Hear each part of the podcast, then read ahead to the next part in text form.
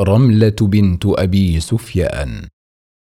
أم حبيبة آثرت الله ورسوله على ما سواهما وكرهت ان تعود للكفر كما يكره المرء أن يقذف في النار. ما كان يخطر ببال أبي سفيان بن حرب أن في وسع أحد من قريش أن يخرج على سلطانه أو يخالفه في أمر ذي بال. فهو سيد مكة المطاع وزعيمها الذي تدين له بالولاء. لكن ابنته رملة المكناه بأم حبيبة. قد بددت هذا الزعم وذلك حين كفرت بآلهة أبيها وآمنت هي وزوجها عبيد الله بن جحش بالله وحده لا شريك له وصدقت برسالة نبيه محمد بن عبد الله. وقد حاول أبو سفيان بكل ما أوتي من سطوة وبأس أن يرد ابنته وزوجها إلى دينه ودين آبائه.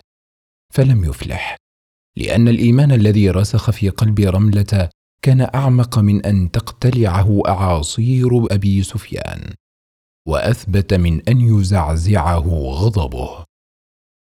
ركب أبا سفيان الهم بسبب إسلام رملة فما كان يعرف بأي وجه يقابل قريشا بعد أن عجز عن إخضاع ابنته لمشيئته والحيلولة دونها ودون اتباع محمد. ولما وجدت قريش أن أبا سفيان ساخط على رملة وزوجها اجترأت عليهما وطفقت تضيق عليهما الخناق وجعلت ترهقهما أشد الإرهاق حتى باتا لا يطيقان الحياة في مكة. ولما أذن الرسول صلوات الله وسلامه عليه للمسلمين بالهجرة إلى الحبشة كانت رملة بنت أبي سفيان وطفلتها الصغيرة حبيبة وزوجها عبيد الله بن جحش في طليعة المهاجرين إلى الله بدينهم الفارين إلى حمى النجاشي بإيمانهم. لكن أبا سفيان بن حرب ومن معه من زعماء قريش عز عليهم أن يفلت من أيديهم أولئك النفر من المسلمين وأن يذوقوا طعم الراحة في بلاد الحبشة. فأرسلوا رسلهم إلى النجاشي يحرضونه عليهم. ويطلبون منه أن يسلمهم إليهم ويذكرون له أنهم يقولون في المسيح وأمه مريم قولا يسوءه. فبعث النجاشي إلى زعماء المهاجرين وسألهم عن حقيقة دينهم وعما يقولونه في عيسى ابن مريم وأمه. وطلب إليهم أن يسمعوه شيئا من القرآن الذي ينزل على قلب نبيهم. فلما أخبروه بحقيقة الإسلام وتلوا عليه بعضا من آيات القرآن بكى حتى اخضلت لحيته وقال لهم إن هذا الذي أنزل على نبيكم محمد والذي جاء به عيسى ابن مريم يخرجان من مشكاة واحدة. ثم أعلن إيمانه بالله وحده لا شريك له وتصديقه لنبوة محمد صلوات الله وسلامه عليه. كما أعلن حمايته لمن هاجر إلى أرضه من المسلمين على الرغم من أن بطارقته أبوا أن يسلموا وظلوا على نصرانيتهم. حسبت أم حبيبة بعد ذلك أن الأيام صفت لها بعد طول عبوس وأن رحلتها الشاقة في طريق الآلام قد أفضت بها إلى واحة الأمان إذ لم تكن تعلم ما خبأته لها المقادير. فلقد شاء الله تباركت حكمته أن يمتحن أم حبيبة امتحانا قاسيا تطيش فيه عقول الرجال ذوي الأحلام وتتضعضع أمامه أفهام ذوي الأفهام. وأن يخرجها من ذلك الابتلاء الكبير ظافرة تتربع على قمة النجاح.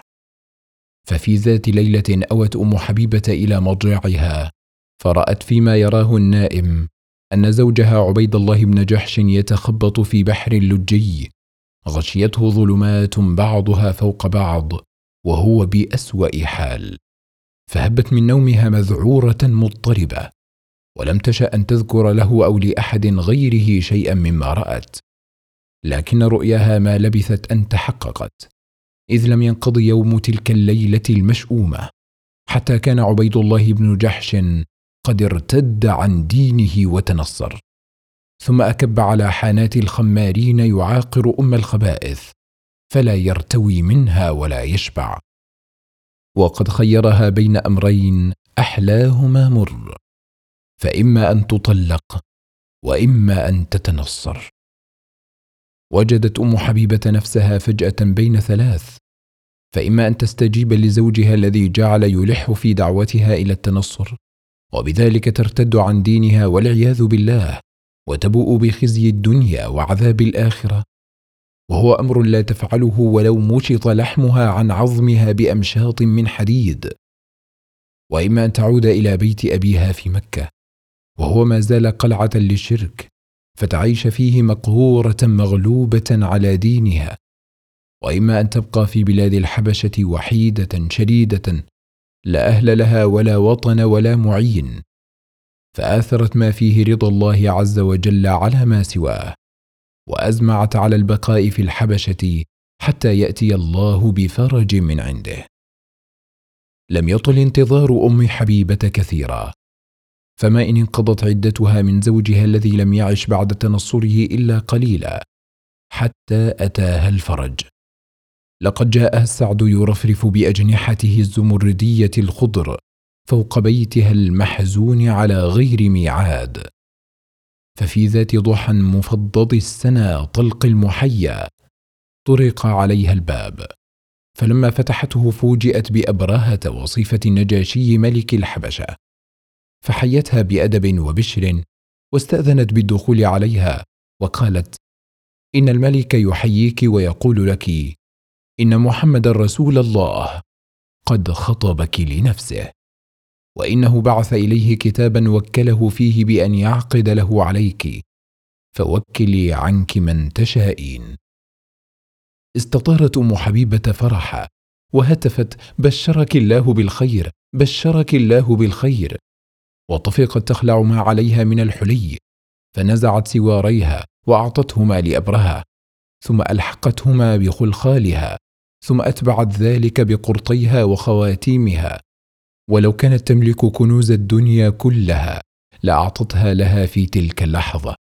ثم قالت لها لقد وكلت عني خالد بن سعيد بن العاص فهو أقرب الناس إلي. وفي قصر النجاشي الرابض على رابية شجراء مطلة على روضة من رياض الحبشة النضرة وفي أحد أبهائه الفسيحة المزدانة بالنقوش الزاهية المضاءة بالسرج النحاسية الوضاءة المفروشة بفاخر الرياش اجتمع وجوه الصحابة المقيمون في الحبشة وعلى رأسهم جعفر بن أبي طالب وخالد بن سعيد بن العاص وعبد الله بن حذافة السهمي وغيرهم ليشهدوا عقد أم حبيبة بنت أبي سفيان على رسول الله صلى الله عليه وسلم.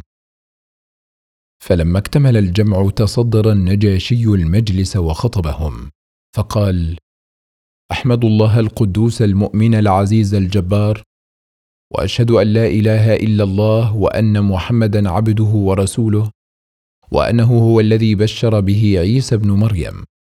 أما بعد فإن رسول الله صلى الله عليه وسلم طلب مني أن أزوجه أم حبيبة بنت أبي سفيان فأجبته إلى ما طلب وأمهرتها نيابة عنه أربعمائة دينار ذهبا على سنة الله ورسوله.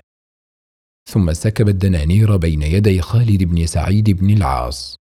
وهنا قام خالد فقال الحمد لله أحمده وأستعينه وأستغفره وأتوب إليه وأشهد أن محمدا عبده ورسوله أرسله بدين الهدى والحق ليظهره على الدين كله ولو كره الكافرون.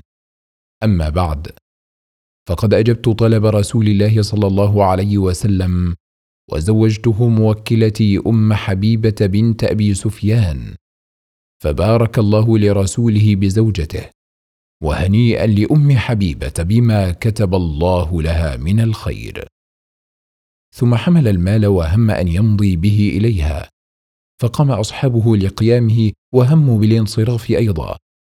فقال لهم النجاشي اجلسوا فإن سنة الأنبياء إذا تزوجوا أن يطعموا طعاما. ودعا لهم بطعام فأكل القوم ثم انفضوا. قالت أم حبيبة فلما وصل المال إلي أرسلت إلى أبرهة التي بشرتني خمسين مثقالا من الذهب وقلت إني كنت أعطيتك ما أعطيت حين بشرتني. ولم يكن عندي يومئذ مال. فما هو إلا قليل حتى جاءت أبرهة إلي وردت الذهب وأخرجت حقا فيه الحلي الذي كنت أعطيتها إياه فردته إلي أيضا وقالت إن الملك قد عزم علي أن لا آخذ منك شيئا وقد أمر نساءه أن يبعثن لك بكل ما عندهن من الطيب. فلما كان الغد جاءتني بورس وعود وعنبر ثم قالت لي إن لي عندك حاجة؟ فقلت وما هي؟ فقالت لقد أسلمت. واتبعت دين محمد. فأقرئي على النبي مني السلام وأعلميه أني آمنت بالله ورسوله. ولا تنسي ذلك. ثم جهزتني. ثم إني حملت إلى رسول الله صلى الله عليه وسلم. فلما لقيته أخبرته بما كان من أمر الخطبة وما فعلته مع أبرهة وأقرأته منها السلام. فسر بخبرها وقال وعليها السلام ورحمة الله وبركاته.